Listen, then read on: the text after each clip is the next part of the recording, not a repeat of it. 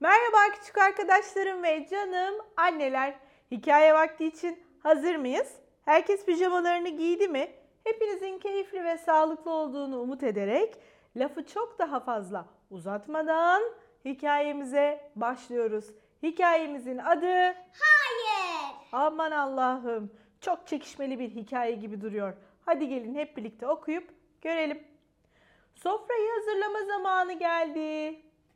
Hayır. Bir şey isterken lütfen demeyi de unutmuyoruz. Hayır. Çatalını kullanmalısın. Hayır.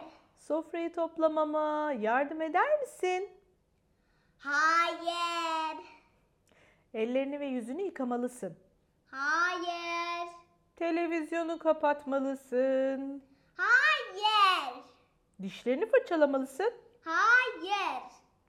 Yatmadan önce odanı toplamalısın. Hayır. Pijamanı giymelisin. Hayır.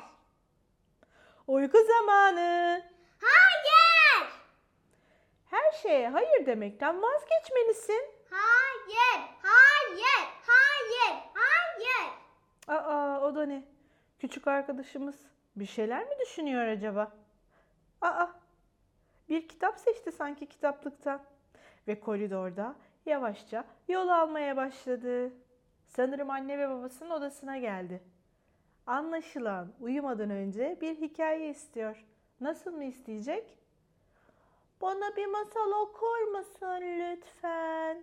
Evet, arkadaşımız nezaket kurallarından biri olan hangini söylemeyi öğrendi? Lütfen. Tebrikler. Evet. Hikayemizde sıkça duyduğumuz kelime hangisiydi? Hayır. Evet, bazen zaman zaman birçok konuda anlaşamayabiliriz.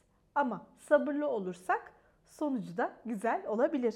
Bugünlük de bu kadar demeden önce garip ama gerçek bilgilerin bir yenisini paylaşıyorum. İnsanlar yaklaşık 200 bin senedir dünyadalarmış. Dinozorlar ise 160 milyon sene hayatta var olmuşlar. Evet, yarın yine aynı saatte ben sizler için yeni bir hikaye okumuş olacağım. Hoşçakalın. İyi geceler.